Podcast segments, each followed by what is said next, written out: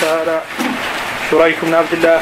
شريك. شريك بن عبد الله النخعي ومنهم شريك بن عبد الله النخعي قاضي الكوفة قال يعقوب بن شيبة وغيره كتبه صحاح صحاح وحفظه فيه اضطراب. وقال محمد بن عمار الموصلي الحافظ شريك كتبه صحاح فمن سمع منه من كتبه فهو صحيح. قال ولم يسمع من شريك من كتابه إلا إسحاق الأزرق. وقيل وقد قيل ان اصوله كان فيها الخطأ. ذكر محمد بن يحيى ابن سعيد ابن سعيد عن أبيه ابن سعيد القطان عن أبيه قال قد نظرت في كتب شريك فاذا فاذا الخطأ في أصوله وفرق آخرون بين ما حدث به في آخر عمره بعد ولايته القضاء فضعفوه لاشتغاله بالقضاء عن حفظ الحديث. شريك بن عبد الله النخعي القاضي الكوفي يختلف عن شريك ابن عبد الله ابن أبي نمر. شريك ابن أبي نمر هذا قد خرج له الجماعة. أما شريك بن عبد الله القاضي النخعي الكوفي هذا من رجال الأربعة. وقد اختلف في هذا كما اختلف في ذاك. إلا أن القاضي النخعي الكوفي أضعف من شريك بن أبي نمر. وقد اختلف العلماء في شريك هذا. فمنهم من وثقه مطلقا. ومنهم من ضعفه ومنهم من فصل في أمره. في حالة أن يستقيم مرويه في حالة لا يستقيم مرويه. لأنه لم يكن شديد الضعف. قد قيل عنه بأنه قد اختلط. وأنه اشتغل بالقضاء عن العلم. فنسي كثيرا من العلم. ولكنه في الجملة سيء الحفظ. ويخطئ كثيرا. نعم. وقال أحمد في رواية الأثرم وذكر سماع بن أبي نعيم عن شريك وقال سماع قديم وجعل احمد وجعل أحمد يصححه. وقال أحمد في رواية ابن عبد الله قال لي حجاج بن محمد كتبت عن شريك نحو من خمسين حديثا عن سالم قبل القضاء يعني قبل أن يلي القضاء. قال أبو حاتم حديث شريك من حفظه بآخره وكان قد وقال وكان قد ساء حفظه عن عاصم الاحول عن الشعبي عن عن, عن ابن عباس أن النبي صلى الله عليه وسلم احتجم وهو صائم محرم فغلط فيه فغلط فيه ورواه جماعة ولم يذكروا صائما محرما إنما قالوا احتجم وأعطى الحجام أجره. لكن جاء في رواية أخرى عند البخاري وغيره من غير حديث شريك أن النبي صلى الله عليه وسلم احتجم وهو صائم. وهذا رواه أيوب عن عكرمة عن ابن عباس واحتج به البخاري في صحيحه. واحتج به كل من يقول بأن الحجامة لا تفطر الصائم. كما هو قول الإمام الشافعي رحمه الله تعالى. وأما الإمام أحمد فتكلم في هذا الحديث. ولكن تتبعت جميع كلام الإمام أحمد. لم أراه تكلم على الروايات التي ساقها البخاري. إنما تكلم على روايات أخرى. وذاك الأظهر والعلم عند الله أن رواية احتجم والصائم محفوظة. قد أوردها البخاري رحمه الله في الأصول. والصحيح من قولي العلماء أن الحجامة لا تفطر الصائم. وإذا كانت تضعف يمنع منها في النهار. قد كان ابن عمر يحتجم نهارا. فحين ضعف كان يحتجم ليلا نعم. وأنكر ذلك يحيى القطان. قال عبد الجبار محمد الخطابي قلت ليحيى بن سعيد زعموا أن شريكا إنما اختلط بآخره قال ما زال مخلطا. وبكل حال فهو سيء الحفظ كثير الوهم. وقال إبراهيم بن سعيد الجوهري أخطأ شريك في 400 حديث. أخطأ. أخطأ شريك في 400 حديث. ومنهم محمد بن أبي سليمان. فقيه الكوفة وشيخ أبي حنيفة. قال أبو داود سمعت أحمد يقول محمد مقارب مقارب الحديث. معنى مقارب الحديث يقرب حديثه من حديث الثقات. ليس بثقه ولكن يقرب حديثه من حديث الثقات. وحماد بن ابي سليمان كان من أهل الفقه. وله حديث يسيرة. وقد تكلم في غير واحد من العلماء لسوء حفظه. وهو الذي روى حديث رفع القلم عن ثلاثة. وكان من تلاميذ الإمام حماد بن زيد وكان يأخذ عنه العلم. وكان يتلقى عنه الحديث ولا يتلقى عنه الفقه. وكان حماد بن أبي سليمان إذا قدم حماد بن زيد تضايق الذي يبحث في الحديث. فقدم حماد بن زيد ذات يوم فنظر قال من هذا؟ قال حماد بن زيد. قال لا حياه الله. نعم. ما روى عنه سفيان وشعبة والقدماء قال وهشام الدستوائي. سمع منه قديما سماعه صالح ولكن حماد بن سلمة عندهم عنه تخليط. ونقل الأثرم عن أحمد. وهذا أيضا منه. حتى حديث رفع القال محمد بن سلمة عن حماد بن ابي سليمان. فذاك هذا الحديث لا يصح إلا موقوفا على علي رضي الله عنه. قد قال علي لعمر وقد علمت. هذا يشعر بأن له حكم المرفوع. أما رفعه إلى النبي صلى الله عليه وسلم ففي إسناده نظر. سواء من حديث عائشة من حديث غيرها. وأما حماد بن سلمة فقد تقدم التفصيل فيه وأنه على ثلاث مراتب. نعم. حماد بن ابي سليمان بحكم إنه فقيه. هل بأنه له عناية في هذا الحديث حتى لو كان له عناية. جرب عليها الغلط والخطأ. خاصة هذه من رواية حماد بن سلمة عن حماد بن سليمان ويخطئ أكثر وأكثر أيضا. والقول بأنه إذا كان له عناية بالفقه يكون أضبط للحديث هذه مقولة متأخرة. ما كان الأوائل يقولون هذا. انهم يعتبرون الحفظ الضبط. وهل يعني إذا ما كان له عناية بالفقه أنه لا يضبط؟ أما مسألة يكون له عناية بحد الفقه فيحتاج فضبطه قد أيضا يعكس على هذا يقول لك له عناية فتساهل فيه؟ لأنه يحتاجه. في المسائل الفقهية فتساهل في روايته وهذا لا يبعد أيضا. ونقل الاثرم عن أحمد. قال رواية القدماء عن حماد مقاربة شعبة والثوري وهشام الدستوائي.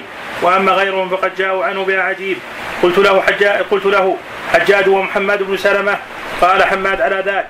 أي لا بأس به قال وقد سقط فيه غير واحد مثل محمد بن جابر وأشار بيده فظننت أنه سلم الأحمر. قال الأثرم ولعله قد عني قد عنا غيره. قوله قد سقط فيه يعني يعني رووا عنه ما لا ما لا يرتضى. وقال أبو داود عن حماء عن أحمد.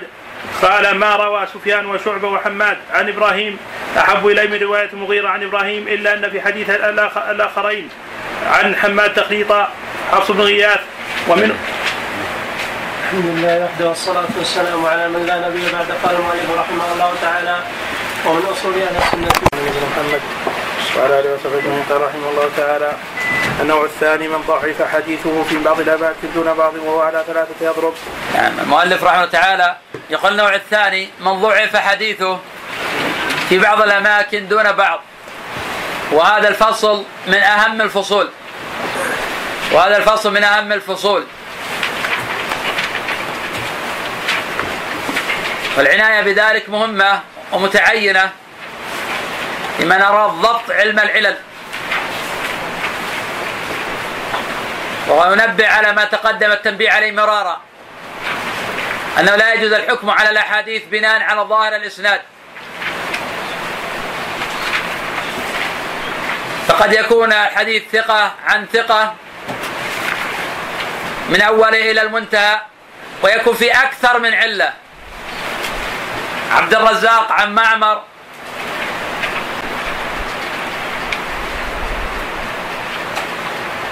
عن ثابت البناني عن أنس. هؤلاء رجال الستة. هؤلاء رجال الستة. كذلك عبد الرزاق عن معمر عن أيوب. هؤلاء أيضا رجال الستة. ومع ذلك هذا وذاك معلولان. إذا لابد من ضبط هذه القواعد. فإن معمرا وإن كان ثقة وإماما إلا أنه إذا روى عن أهل العراق كثر غلطه ووهمه. وخاصة إذا روى عن أهل البصرة. وثابت البناني بصري.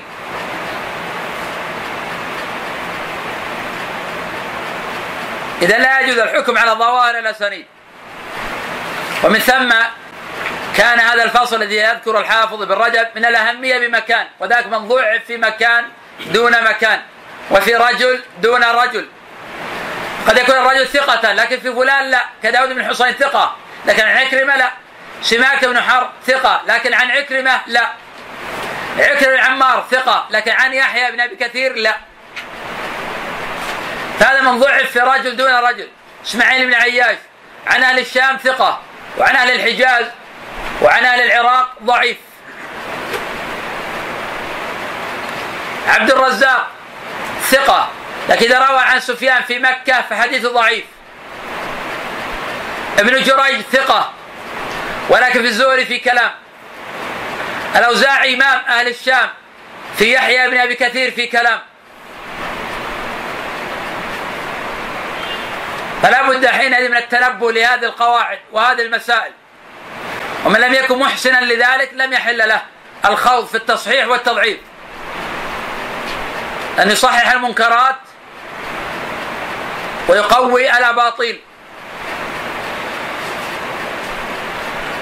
نعم. الضرب الأول. من حدث في مكان لم تكن معه فيه كتبه فخلط وحدث في مكان آخر من كتبه فضبط. أو من سمع في مكان من شيخ فلم يضبط عنه وسمع منه في موضع آخر فضبط. معمر بن راشد فمنهم معمر بن راشد حديثه بالبصرة فيه اضطراب كثير وحديثه باليمن جيد. قال أحمد في رواية الأثرم حديث عبد الرزاق عن معمر عن أحب عن معمر أحب إلي من حديث هؤلاء البصريين. كان يتعاهد كتبه وينظر في يعني باليمن. وكان يحدثهم بخطأ بالبصرة وقال يعقوب بن شيبة. هذا كان ذكر الآن في رواية أهل اليمن عن معمر. ومعمر إذا روى عن أهل العراق ولو روى عنه يمني فهو في كلام. لا نشتغل في ذلك يروي عنه عراقي. بل لو روى يمني عن عبد الرزاق عن معمر ومعمر روى عن عراقي يقع الغلط. وذلك موجود بكثرة في حديث عبد الرزاق عن معمر. في رواية معمر عن أهل العراق. فلا نشترط في ذلك أن يكون قد روى عن معمر عراقي. قد تقدم الأمثلة على هذا. فمن ذلك عبد الرزاق عن معمر عن أيوب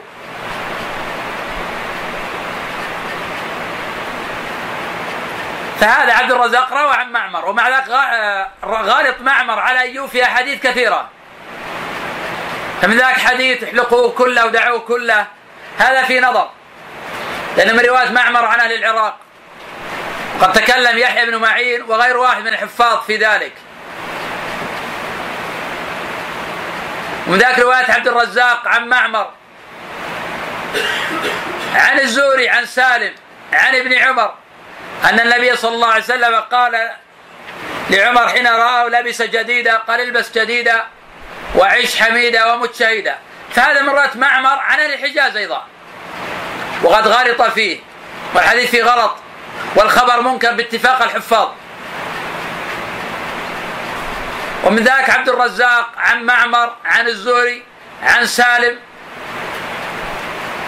عن ابن عمر في حديث غيلان حين تزوج عشر نسوة. حدث به معمر في العراق هكذا وغلط فيه باتفاق الحفاظ. وحين رجع إلى اليمن وحدث بالخبر أرسله. قال الإمام أحمد رحمه الله تعالى رواية في اليمن أصح. وعلى هذا فمعمر عن أهل العراق في كلام سواء روى عنه يمني أو روى عنه عراقي.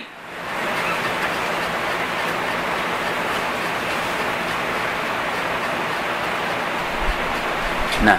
وقال يعقوب بن شيبة سماع أهل البصرة من معمر حين قدم عليهم فيه اضطراب لأن كتب كتبه لم تكن معه فيما فمما اختلف فيه اختلف فيه باليمن اختلف فيه باليمن والبصرة. حديث أن النبي صلى الله عليه وسلم كوى أسعد بن بن زرارة ابن زرارة ابن زرارة من من من من الشوكة رواه باليمن عن الزهري عن أبي أمامة عن سهل مرسلا ورواه البصرة عن الزهري عن أنس والصواب المرسل ومنه حديث إنما الناس كابن المئة ورواه باليمن عن الزهري عن سالم عن أبيه مرفوعا ورواه البصرة عن مرة كذلك ومرة عن الزهري عن سعيد بن المسيب عن أبي أبي هريرة ومنه حديثه لكن هنا هذا حديث صحيح لا إشكال في صحته إنما الكلام فقط في ترجيح اسناد على إسناد.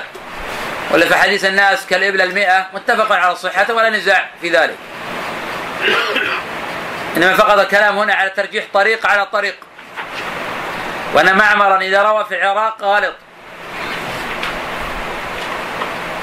بينما إذا روى في اليمن كان حديثه أتقن وأضبط. وسيذكر ابن رجب مجموعة من هؤلاء الحفاظ. الذين إذا رووا الحديث في بلادهم أتقنوا.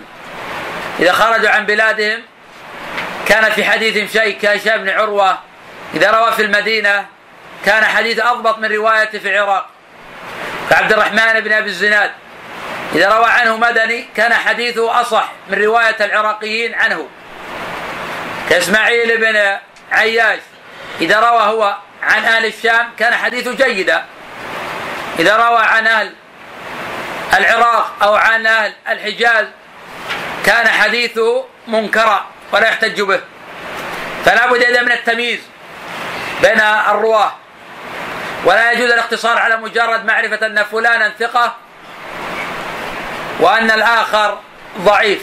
لا بد أن تعرف أن ثقة فلان لا تعني الثقة المطلقة. فقد يكون ثقة في فلان ضعيفا في الآخر. ومن ثم جرى التنبيه على معنى على شرطهما أكثر من مرة. وقلت فيما مضى بأنه لا يصح القول بأن الحديث على شرطهما إلا إذا كان رجال هذا الإسناد من رجال الشيخين على نسق واحد ووتيرة واحدة. وأما إذا لم يكونوا على نسق واحد فلا يصح القول بأنه على شرطهما. ولو كان رجال الإسناد موجودين في الصحيحين. لأن البخاري ومسلما قد يكون قد يكونان قد اتقيا رواية فلان عن فلان. ولكن حين يروي عن غيره يخرجان له. فمن قال بمن خرج لهما الشيخان على شرطهما ولو لم يكونا على نسق واحد فقد غلط. فإن هذا أحيانا يترك البخاري لعلة وهذا موجود. ومن ثم لا يسلم للحاكم فيما قال على شرطهما إلا ما يبلغ عدد الأصابع. وما عدا فكله غلط. بل جزم بعض الحفاظ أن لا يوجد في المستدرك على شرطهما أصلا. بل جزم بعض الحفاظ بأن لا يوجد على شرطهما أصلا. نعم في أحاديث الصحاح نعم لكن على شرطهما لا. نعم. ومنه حديثه عن الزهري عن سالم عن أبيه أن غيلان أسلم وتحته عشر نسوة الحديث قال أحمد في رواية ابن صالح معمر معمر أخطأ بالبصرة في إسناد حديث غيلان. ورجع ورجع باليمن فجعله منقطعا. هشام بن عروة ومنهم هشام بن عروة. وقد سبق قول الإمام أحمد سبق قول الإمام أحمد كأن رواية أهل المدينة, أهل المدينة عنه أحسن أو قال أصح. نعم وهذا الصواب. أن رواية أهل المدينة عن هشام أصح. فرواية مالك عن هشام أصح من رواية أهل العراق. وهذا لا يعني أن رواية أهل العراق ضعيفة لا. إنما قد يقع الغلط في رواية أهل العراق. وعلى وهذا يبعث على التثبت في مرويات أهل العراق عن هشام بن عروة. لأنه إذا ذهب إلى العراق انبسط في الحديث. وأحيانا يسند ما لا يسند في المدينة. وهذا ما نبه عليه الإمام مالك رحمه الله تعالى وغيره من الحفاظ وهو الذي أشار إليه الإمام أحمد. نعم.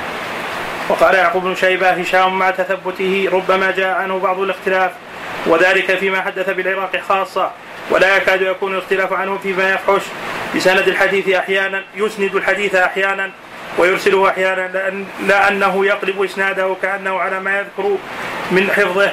يقول عن أبيه عن النبي صلى الله عليه وسلم ويقول عن أبيه عن عائشة عن النبي صلى الله عليه وسلم إذا إذا أتقنه وأسنده وإذا هابه وأرسله.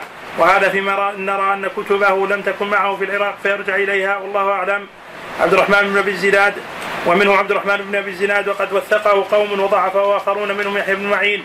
وقال يعقوب بن شيبة سمعت علي بن المديني يضاعف ما حدث به ابن الزناد بالعراق ويصحح ما حدث به بالمدينة. قال وسمعت ابن المديني يقول ما روى سليمان الهاشمي عنه فهو فيها حسان. نظرت فيها فإذا هي مقاربة. وجعل علي علي يستحسنها. يزيد بن هارون. عبد الرحمن بن الزناد في ثلاث مذاهب للعلماء. المذهب الأول انه ضعيف مطلقة كقول ابن معين. المذهب الثاني أنه ثقة مطلقة. المذهب الثالث أنه ما روى في المدينة فحديثه جيد ويحتج به ويصحح. وما روى في العراق فحديثه ضعيف. لأن عبد الرحمن بن أبي الزناد في نفسه صدوق سيء الحفظ. ولا يتقن جيدا إلا فيما روى في المدينة. وأكثر ما يقع الغلط في حديثه في العراق. ومنهم يزيد بن هارون. قال صالح بن أحمد قال أبي يزيد بن هارون من سمع منه بواسط أو هو اصح ممن سمع منه ببغداد لأنه كان لأنه كان بواسط يلقن فيرجع إلى ما في إلى ما في كتب نعم. يزيد بن هارون ثقة ثبت وهو أحد أكابر الحفاظ قد خرج له الجماعة وهو من شيوخ الإمام أحمد. إذا حدث بواسط كان حديثه في الذروة. إذا كان وإذا حدث في بغداد كان حديثه دون ذلك. ولكن هذا لا يعني أنه ضعيف لا هو ثقة في بغداد وفي واسط. ولكن إذا وجد غلط فهذا من أحاديثه في بغداد.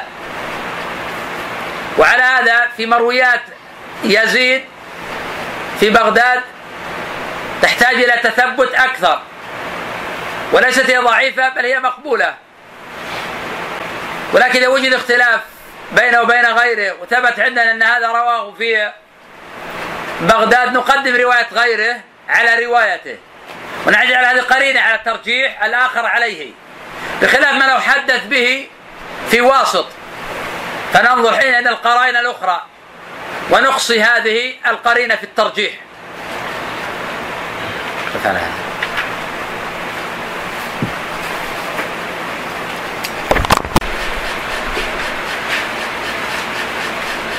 وقد تكلم طوائف من أهل العلم في خالد بن مخلد صاب أنه إذا روى عن سليمان بن بلال ولم يخالف الثقات أنه يحتج بحديثه نعم. قال عن معمر شيخ وما عمل في الشيء. نعم. لأنه ضعيف لأنه روى عن أهل العراق وتقدم إن معمر بن راشد روى عن العراق عموما سواء روى عن أهل الكوفة أو عن غير أو الكوفة كاهل البصرة آه، فالاعمش من أهل الكوفة وما عمل في شيء ما أتقن ولا ضبطه كذلك إذا روى عن أهل البصرة كثابت البناني فإنه ضعيف أيضا.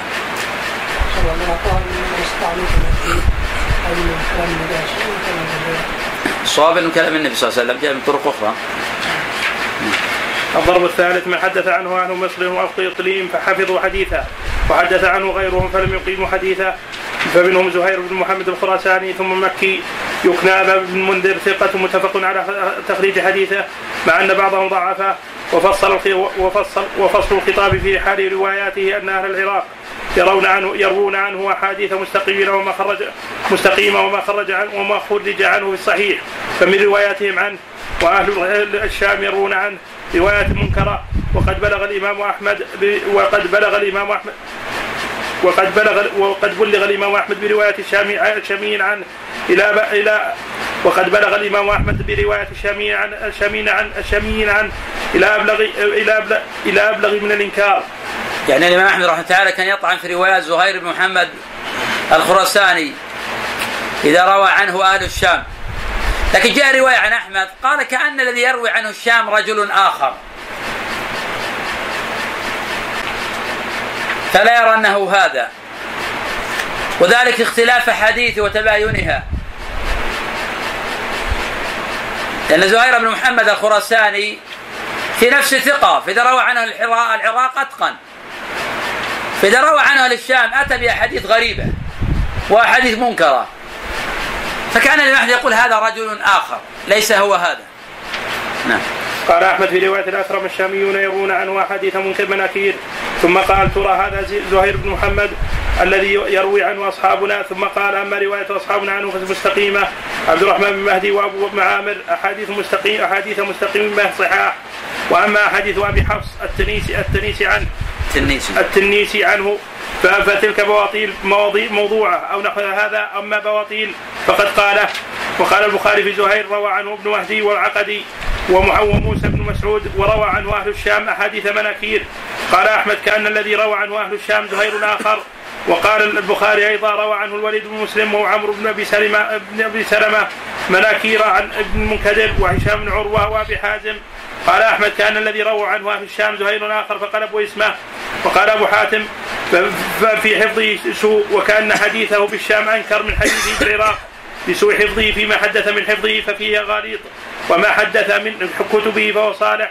قال ابن عدي لعل الشاميين عنه رو... الشاميين حيث رووا عنه أخطأوا عليه فإنه إذا حدث عنه أهل العراق فرواياتهم فرواياتهم عنه شبه مستقيمة وأرجو أنه لا بأس به انتهى. وقد خرج له الترمذي بروايه الشاميين عنه غير حديث. كحديث كان النبي صلى الله عليه وسلم يسلم تسليمة واحدة وحديث قرأ رسول الله صلى الله عليه وسلم على أصحابه سورة الرحمن الحديث. والحاكم يخرج من روايات الشاميين عنه كثيرا كالوليد بن مسلم وعمرو بن أبي سلمة. ثم يقول صحيح على شرطهما وليس كما قال. نعم وهذا من الأخطاء التي وقع فيها الحاكم. ومن الأخطاء التي وقع فيها كثير من أهل الحديث. فيرون زهير بن محمد من رجال الشيخين. ثم لا يميزون ولا يفرقون بين رواية الشاميين عنه وبين رواية العراقيين فيقعون في الغلط. وأكثر من وقع في هذا الغلط هو أبو عبد الله الحاكم. فإنه أتى إلى رواية الشاميين عن زهير بن محمد الخراساني. وقال عن هذه الروايات في مستدركه على شرط الشيخين وهي كلها منكرة لا يصح منها شيء. وكل من روى من أهل الشام عن زهير بن محمد فحديثه ضعيف. لا يصح بحال ولا يقبل. ولا يقبل عن زهير بن محمد إلا ما كان إلا ما روى عنه العراقيون.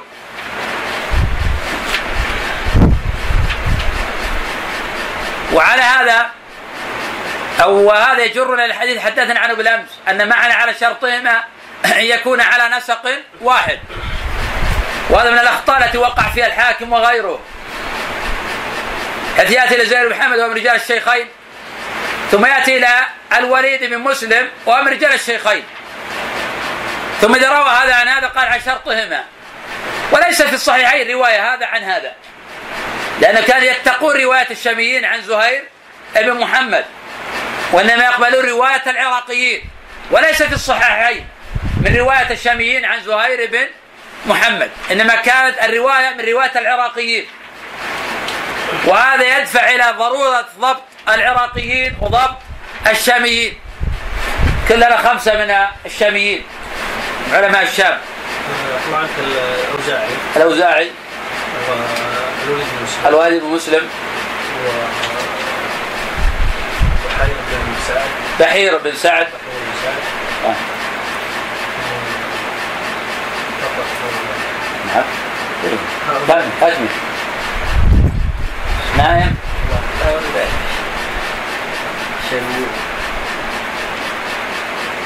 علي بن مسلم علي بن مسر. عمرو بن ابي سلمه لكن لا أطلع المشهورين إسماعيل بن عياش خمسة من العراقيين. صراحة أحمد بن حنبل أبو داوود سفيان وكيع. وده السجستاني لكن ما في مانع. لكن عطنا من المشهور اللي يروون قريبين من عصر زهير بن محمد.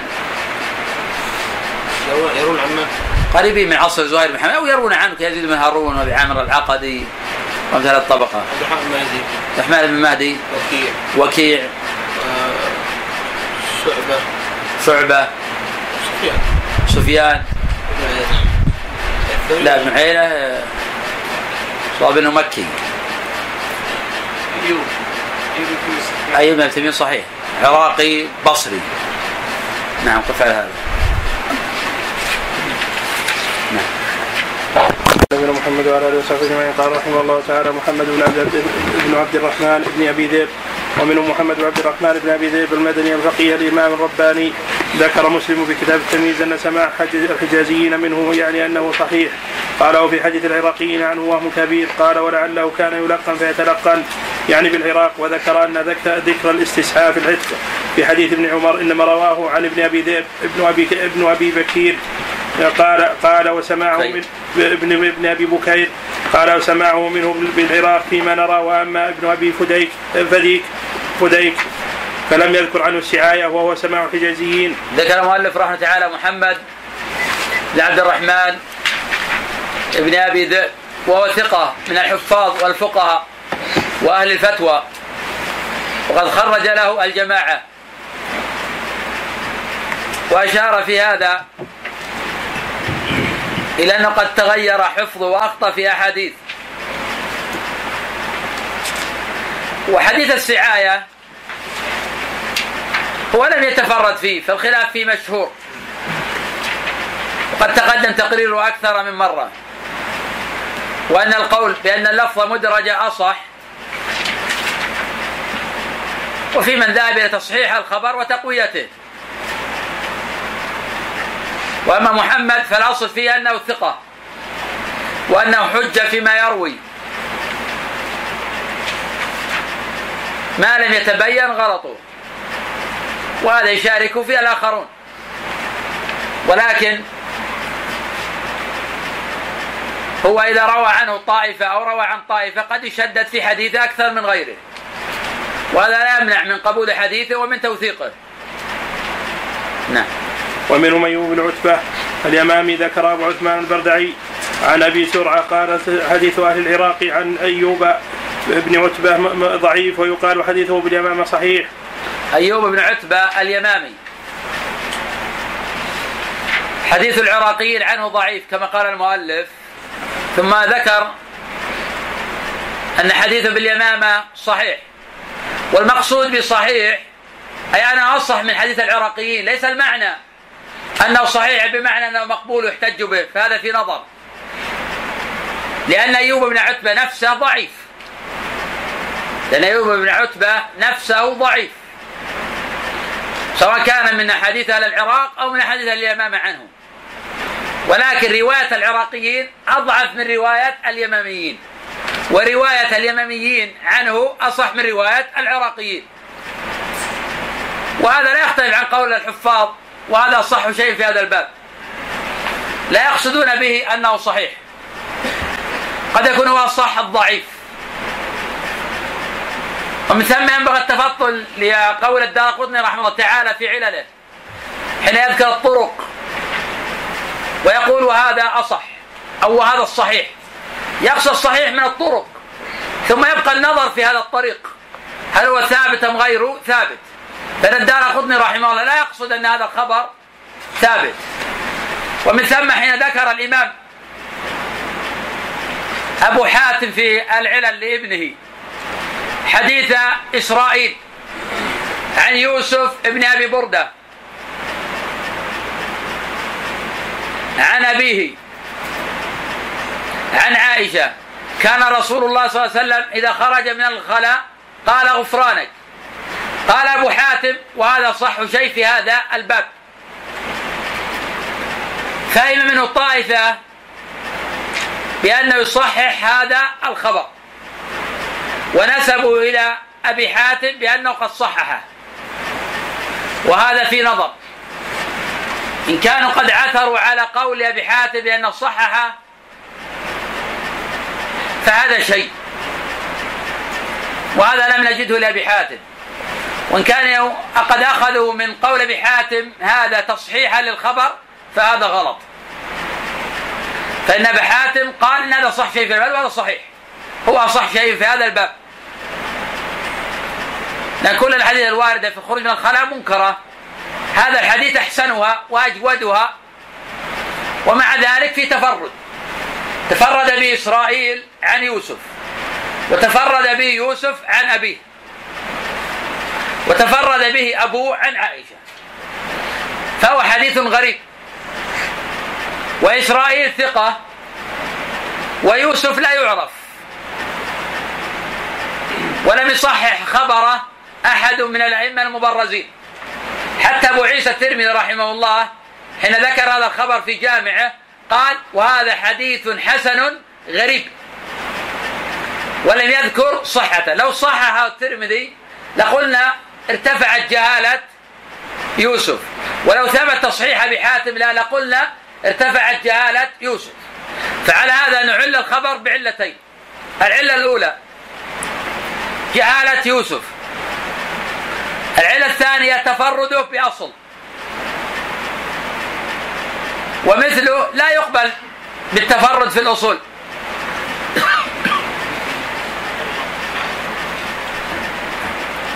النوع الثالث قوم ثقات في أنفسهم لكن حديثهم عن بعض الشيوخ فيه ضعف بخلاف حديثهم عن عن بقية الشيوخ وهؤلاء جماعة كثيرون. فمنهم محمد بن سلمة البصري رضي الله عنه وقد ذكرنا فيما تقدم أنه أثبت الناس أثبت الناس حديثا عن ثابت وكذلك حديثه شرحنا طبقات أو درجات حماد بن سلمة. وقسمنا حديث محمد بن سلمة إلى ثلاث درجات ما هي؟ روى عن قتادة. آه، طبعا الدرجة الأولى إذا روى عن قتادة. آه، ضعيف فإنه ضعيف لن يضطرب في حديث قتادة. هذه الطبقه الأولى؟ الدرجة الأولى. الدرجة الثانية؟ اذا إذا روى حماد عن ثابت البناني. عن ثابت أو عن حميد الطويل فهو أصح شيء. آه، شيء. نعم. إذا روى عن غيرهم فهو محل إذا روى عن غير هؤلاء فإنه حسن الحديث ما لم يتبين آه، خطأه أو مخالفة. إذا هذه قول العلماء في حماد بن سلمة. نعم. وكذلك حديثه عن علي بن زيد بن جدعان هو حافظ له وقد ذكرنا ذلك فيما سبق أيضا. وتقدم أيضا قلنا أن رواية حماد بن سلمة عن علي بن جدعان قوية. ولكن ليس معنى ذلك أن علي بن زيد يحتج به. فمن قال من المحدثين بأن حماد بن سلمة عن علي بن زيد بن جدعان صحيح فهذا صحيح. لكن الفهم قد يخون بعض الناس فيفهم منه أنه يقصد أنه يحتج به وهذا غلط. فإن علي بن زيد نفسه ضعيف. ورواية حماد أعدل أعدل من غيره وأحسن ورواية حماد عن علي صحيحة. وعلي ضعيف. نعم. قال يعقوب بن شيبة حماد بن سلمة ثقة في حديثه اضطراب شديد. إلا عن شيوخ فإن إلا عن شيوخ فإنه حسن الحديث عنه مت- متقن لحديثه مقدم على غيره فيهم. منهم منهم ثابت بن وعمار بن عم- عمار وقال أحمد في رواية الأكرم لا أعلم احدا أحسن حديثا من عن حميد عن حميد من حماد بن سلمة. سمع منه قديما يروي أشياء مرة يرفعها ومرة يوقفها. قال وحميد يختلفون عنه اختلافا شديدا. وقال في رواية أبي الحارث ما أحسن حديث ما أحسن ما, حد ما روى حماد عن حميد. وقال في رواية أبي طالب حماد عن ابن سلمة أعلم الناس بحديث حميد وأصح حديثا. وقال أيضا في روايته حماد حماد بن سلمة أثبت الناس بحميد الطويل. سمع منه قديما يخالف الناس في حديثه يعني في حديث حميد وقال أحمد في رواية علي بن سعيد محمد بن زياد صاحب أبي هريرة ثقة وأجاد حماد بن سلمة الروايه عنه. وأما سماعه من أيوب فسمع فسمع منه قديما قبل حماد بن زيد ثم تركه وجلس وحماد بن زيد فأكثر عنه. وكان حماد بن زيد أعلم بحديث أيوب من حماد بن سلمة. قاله الإمام أحمد أيضا السبب في أن حماد بن زيد أعلم بحديث أيوب من حماد بن سلمة أن حماد بن سلمة لزمه قديما ثم تركه. ثم لزمه بعد ذلك حماد بن زيد إلى أن فارق الدنيا. فكان حديث حماد بن زيد أجود في أيوب من حديث حماد بن سلمة. وهذا ليس تضعيفا لحماد بن سلمة عن أيوب. وحماد بن سلمة عن أيوب صحيح. ويحتج بمثله. ولكن إذا اختلف حماد بن زيد وحماد بن سلمة في أيوب فالمقدم حماد بن زيد. وحماد بن زيد في الجملة أو- أوثق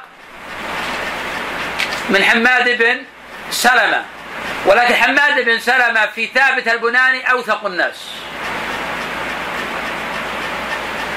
حماد بن سلمة في ثابت أوثق من حميد الطويل. وأوثق من ابن المغيرة وأوثق من حماد بن زيد.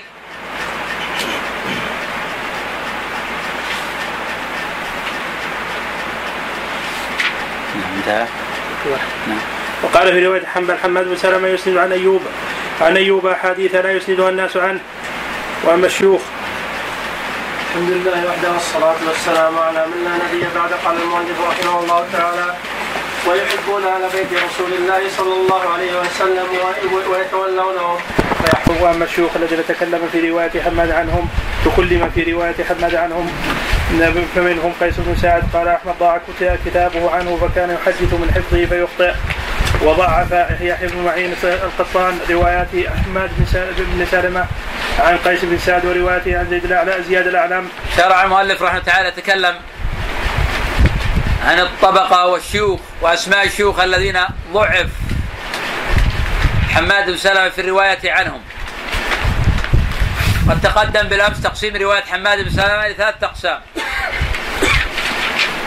رواية من أصح الروايات وهي ما كانت عن ثابت البناني كذلك عن حميد الطويل. ورواية ضعيفة ما كانت عن قتادة وعن طبقة ذكرها المؤلف أيضا هنا. ورواية صحيحة ما لم يتبين غلط وهي ما كانت عن غير هؤلاء.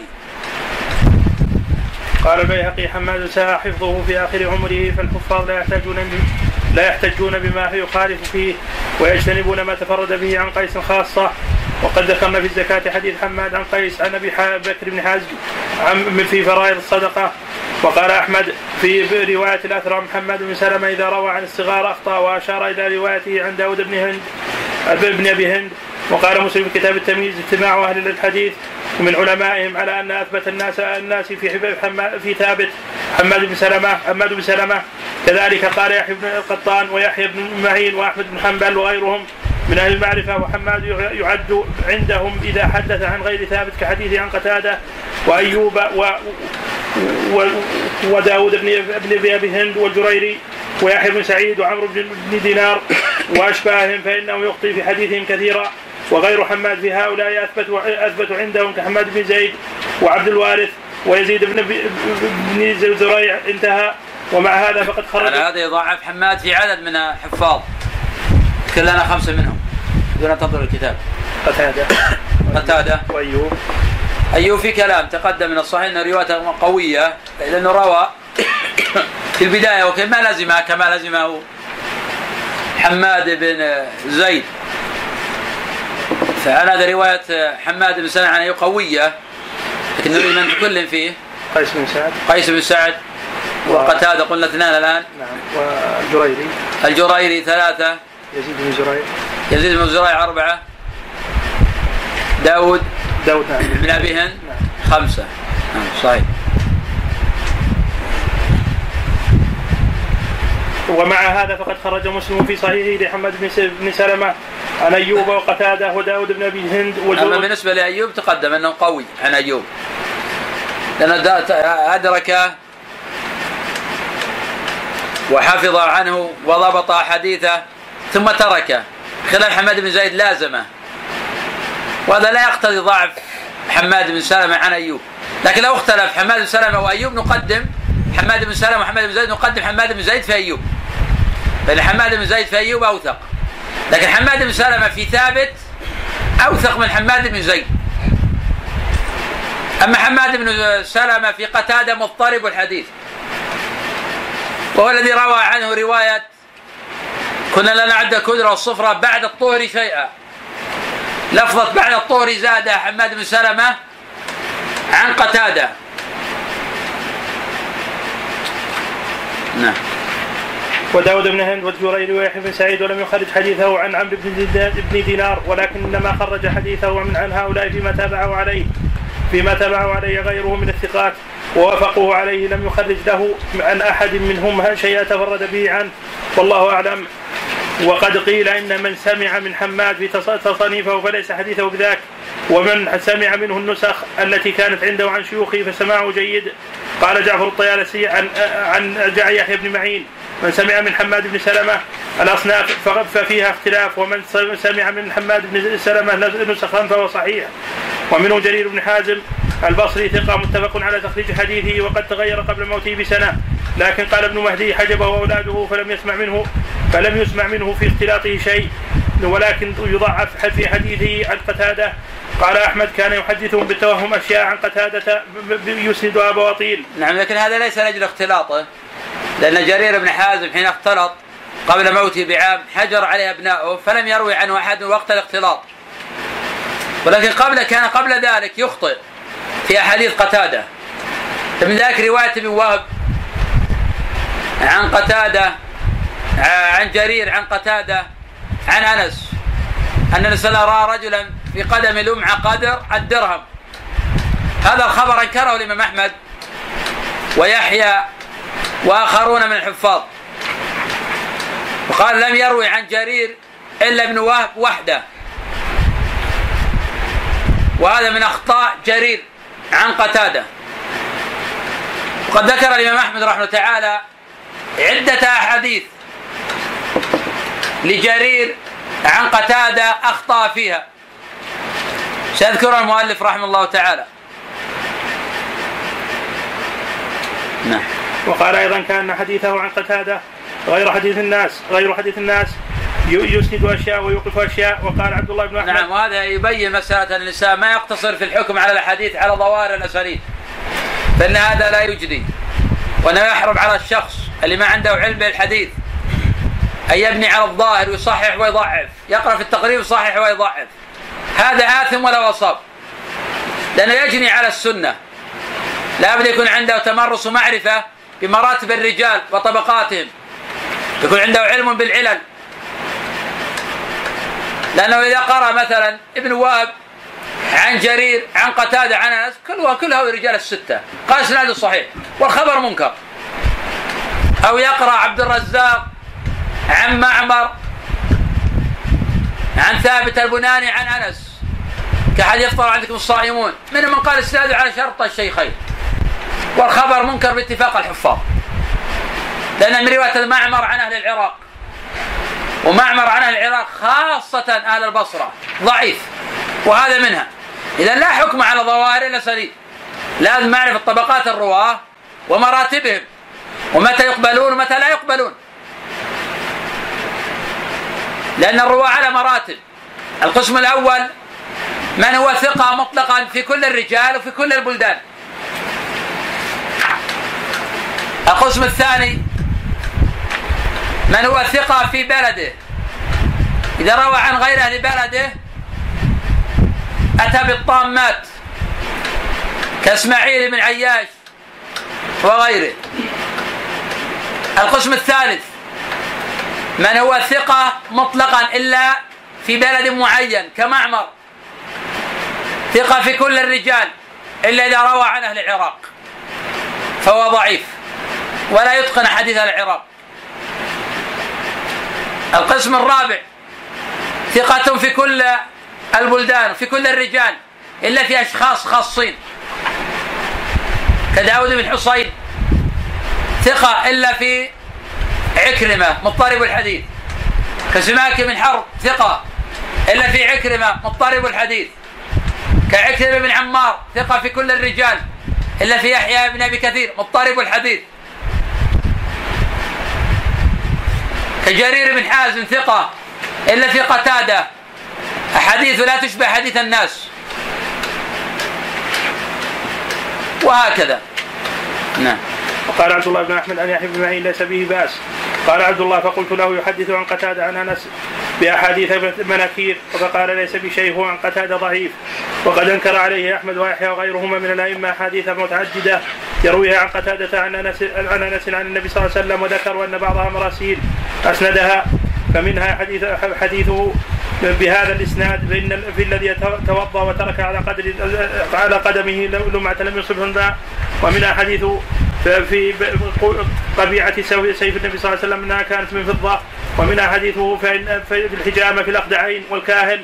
ومنها حديثه كانت قراءة النبي صلى الله عليه وسلم مدا ومنها حديثه في صفة النبي صلى الله عليه وسلم أنه كان ضخم الكفين والقدمين ولكن هذان الحديثان خرجا في الصحيح وقد تبعه عليهما عمرو بن بن عاصم وغيره وقد ذكر ابن عدي لجرير احاديث اخر عن قتادة عن أنس ذكر أنه لا يتابع عليها وحديثه عن أيوب السختياني. قال قال أحمد جرير بن حازم يروي عن أيوب عجائب وحديثه عن يحيى بن سعيد. قال مسلم في كتاب التمييز لم لم يمعن في الروايه عنه. إنما إنما روى عن من حديثه نزرا يسيرا لا يكاد يأتي بها على التقويم والاستقامة وأنكر حديثه عن, عن يحيى عن عمرة عن عن عائشة أن النبي صلى الله عليه وسلم أمرها بالقضاء لما أفطرت في صيام التطوع وكذلك أنكره الإمام أحمد والنسائي وغيرهما وقد ذكرنا هذا الحديث في كتاب الصيام وروى جرير بن حازم بن حازم عن ثابت عن أنس حديث إذا إذا أقيمت الصلاة فلا تقوموا حتى تروني فبلغ ذلك محمد بن زيد فأنكره وقال إنما سمعه من حجاج الصواف عن يحيى بن أبي كثير عن عبد الله بن قتادة عن أبيه في مجلس في مجلس ثابت فظن أنه سمع من ثابت. نعم والحديث ثابت لكنه غلط من حديث جرير. واللي في المتن هذا مخرج صحيح عليه مسلم وغيره. تأمل في الحفاظ رحمه الله تعالى كيف يفهمون أن هذا من حديث فلان وهذا ليس من حديث فلان وتأمل في مقولة الإمام أحمد رحمه الله تعالى أحاديث جرير عن قتادة لا تشبه حديث الناس. وتأمل في هذا الحديث. يقول كان في مجلس ثابت فظنه عن ثابت. ولا في الحديث ليحيى بن أبي كثير. عن ابن أبي قتادة عن أبي قتادة. وليس من حديث جرير ولا من حديث ثابت. وهذا من حفظ هؤلاء الأئمة. وهذا يستدعي التسليم لهم في هذا العلم. وأنا ما أجمعوا عليه فهو الحق. وبالتالي نستقي المناهج من علومهم ومن فهومهم. وكل منهج يقوم على غير منهج هؤلاء لا بد يكون فيه خلل في ضعف وفي هشاشة. وذلك حين قامت المصطلحات المتأخرة على غير أصول هؤلاء صار فيها ضعف. وذلك دخل الآن في علم الحديث كل شخص. كل شخص ما يضغط بالازره عن طريق النت يصحح ويضعف. لماذا؟ لأن عن طريق المتاخرين ما حد يمنع من ذلك. الله منظر ظاهر الإسناد هو ثقة ثقة وصدوق صدوق صدوق اسناده صحيح وانتهينا. وما يكتب خرج وعلق عليه وصحح أحاديثه العلامة المحدث فلان. هذه طريقة المتأخرين. لأن طريقة المتقدمين لا عكس هذا.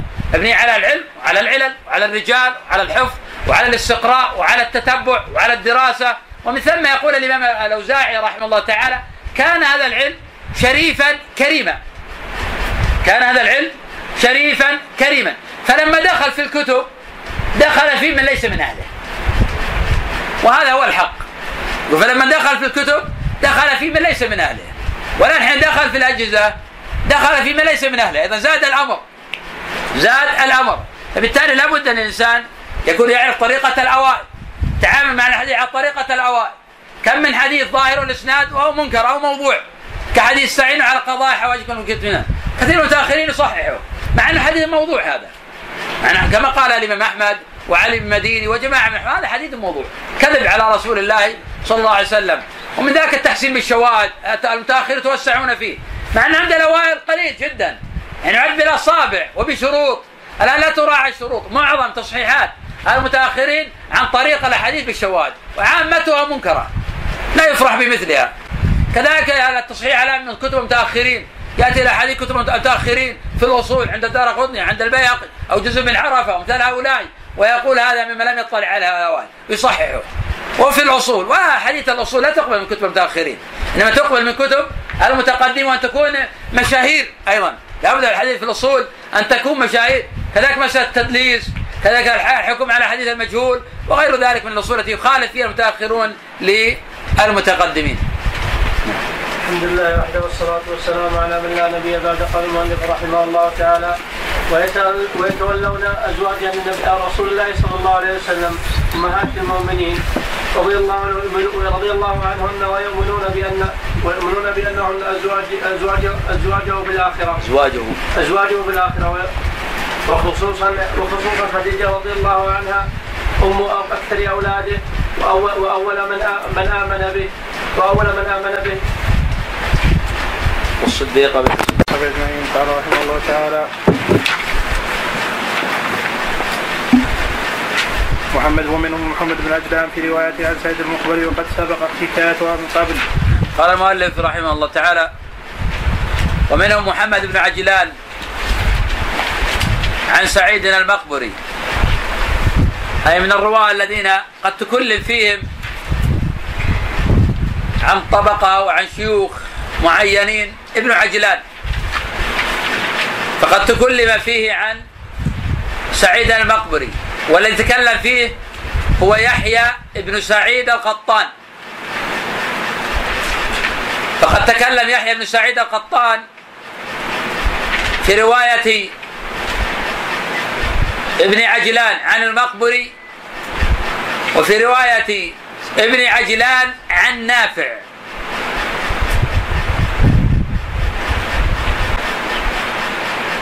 ويرى يحيى بن سعيد القطان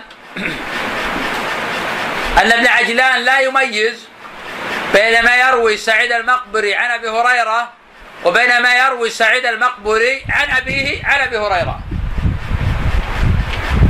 وإن كان سعيد المقبري قد سمع من أبي هريرة وسمع من أبيه عن أبي هريرة وكلا الأمرين موجودان في الصحيحين هذا وهذا. أحيانا البخاري يروي لسعيد عن أبي هريرة وأحيانا يروي لسعيد عن سعيد عن أبي هريرة.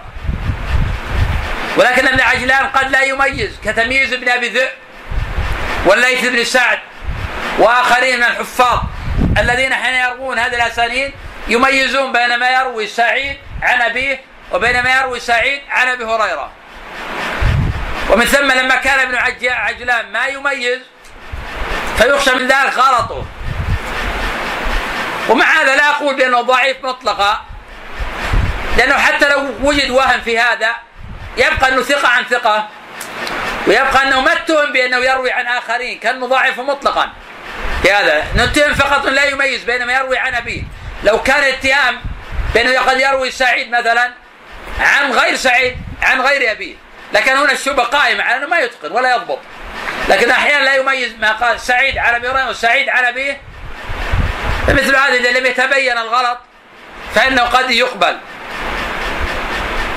وكذلك ما روى سعيد عن ابن آه عن نافع وقد تقدم الحديث عن هذا. نعم. ومنهم عاصم بن بهدله وهو عاصم بن النجود. الكوفي القارئ كان حفظه سيا وحديثه خاصة عن زر وأبي وائل مضطرب كان يحدث بالحديث تارة عن زر وتارة عن أبي وائل. قال حنبل بن إسحاق حدثنا مسدد حدثنا أبو زيد الواسطي عن حمد بن سلمة قال كان يحدث عاصم يحدثنا بالحديث غداة حتى عن زر وبالعشي عن أبي وائل. قال العجلي عاصم ثقة في الحديث لكن يختلف عليه في حديث زر وابي وائل. قال المؤلف ومنهم عاصم بن بهدلة والمعروف عاصم ابن أبي النجود وثقة وحجة في القراءات. وله روايات كثيرة. عن زر وروايات عن أبي وائل. وأحيانا يجمع بينهما. وقد روى له البخاري في المتابعات. وخرج له أهل السنن. واختلف الحفاظ فيه على ثلاثة أقوال. فمنهم من قال بأنه ثقة مطلقة. قد صحح له الترمذي وجماعة. ومنهم من ضعفه مطلقا. ومنهم من فصل في حديثه. قد تكلم جماعة من الحفاظ في مروياته عن زر وعن أبي وائل. مع أن معظم مروياته عن هذين الرجلين. وقد صحح الأئمة لعاصم عن زر وعن أبي وائل أحاديث كثيرة. وكذلك بالنظر وبدراسة أحاديث عاصم هو يتقن أحاديث زر وأحاديث أبي وائل. وزر وأبو وائل ثقتان ثبتان لا يختلف فيهما. ومن ثم الصواب في عاصم أنه صدوق في حفظه شيء يحتج به ما لم يتفرد بأصل لم يصحح الحفاظ أو يخالف غيره من الأئمة. أما لو تفرد بأصل صح الحفاظ فنقبله. كحديث السفيانين عن عاصم عن زر عن عبد الله بن مسعود رضي الله عنه أن النبي صلى الله عليه وسلم قال لا تذهب الليالي والأيام حتى يملك العرب رجل من أهل بيتي يواطئ اسمه اسمي. جاءت رواية واسم أبي اسم أبي وهذه رواية شاذة وهي موجودة عند أبي داود. والذي رواه السفيانان وأكابر الحفاظ عن عاصم بدونها. في المنار المنيف لابن القيم ذكر عن طائفة الاتفاق على صحة هذا الخبر وهو أصل. وفي الباب حديث علي عند أبي داود وسند قوي. ومن هذا حديث تابع بين الحج والعمرة فإنه ينفيان الفقر والذنوب. وبهذا الإسناد فضل سورة تبارك عن ابن مسعود موقوفة وأنها الواقية والمنجية وأن من قرأ في ليلة فقد أكثر وأطنب. هذا إسناد صحيح إلى ابن مسعود من طريق سفيان عن عاصم عن زر عن عبد الله بن مسعود. أما الآثار المرفوعة في فضل سورة تبارك فكلها معلولة. أمثالها ما روى أبو داود من طريق عباس الهجيمي عن أبي هريرة. وعباس الهجيمي لم يثبت سماعه من أبي هريرة. وأما بقية الطرق فضعفها ظاهر. وأثر عبد الله بن مسعود لا يبعد أن يكون له حكم المرفوع لأنه لا مجال للإجتهاد في هذا. وقد قال الحافظ العراقي في ألفيته ومات عن صاحب بحيث لا يقال رايا حكمه الرفع على ما قال في المحصول نحو من أتى فالحاكم الرفع. لهذا أثبت. نعم. ومنهم هشام بن حسان قال يعقوب بن شيبة وهو يعد في أصحاب ابن سيرين ومن العلماء به, به ولم وليس يعد من المثبت من المتثبتين في غير ابن سيرين. نعم هشام بن حسان خرج له الجماعة. وهو من الثقات في ابن سيرين. وقد روى عن الحسن. واختلف في روايته عن الحسن. والصواب أن هشام بن حسان في الحسن ثقة ولكنه ليس من أصحابه الكبار. وفي الجملة هشام بن حسان ثقة. والكلام فيه لا يؤثر على حديثه كثيرا لكنه إذا اختلف الناس في الحسن فهو ليس من المقدمين فيه. وإذا اختلف الناس في ابن سيرين فهو من المقدمين فيه. تقدم عندنا أصحاب الحسن. محمد. كلنا خمسة. محمد أنت؟ كلنا خمسة من أصحاب الحسن. هشام حسان هشام الدستوائي نعم. هشام حسان أخذناه قلنا ليس من المقدمين في أصحابه. أعطينا خمسة من الأكابر. يونس بن عبيد. هذا الرجل الأول في الحسن. وابن عون. وابن عون عبد الله بن عون. وحفص من قريب. نعم صحيح. حفص المنقري والدستوائي نعم. و و سيد بن أيوب سياد سياد الاعلى حفص صحيح. كذا. خمسة من أصحاب ابن سيرين هشام بن حسان. هشام بن حسان.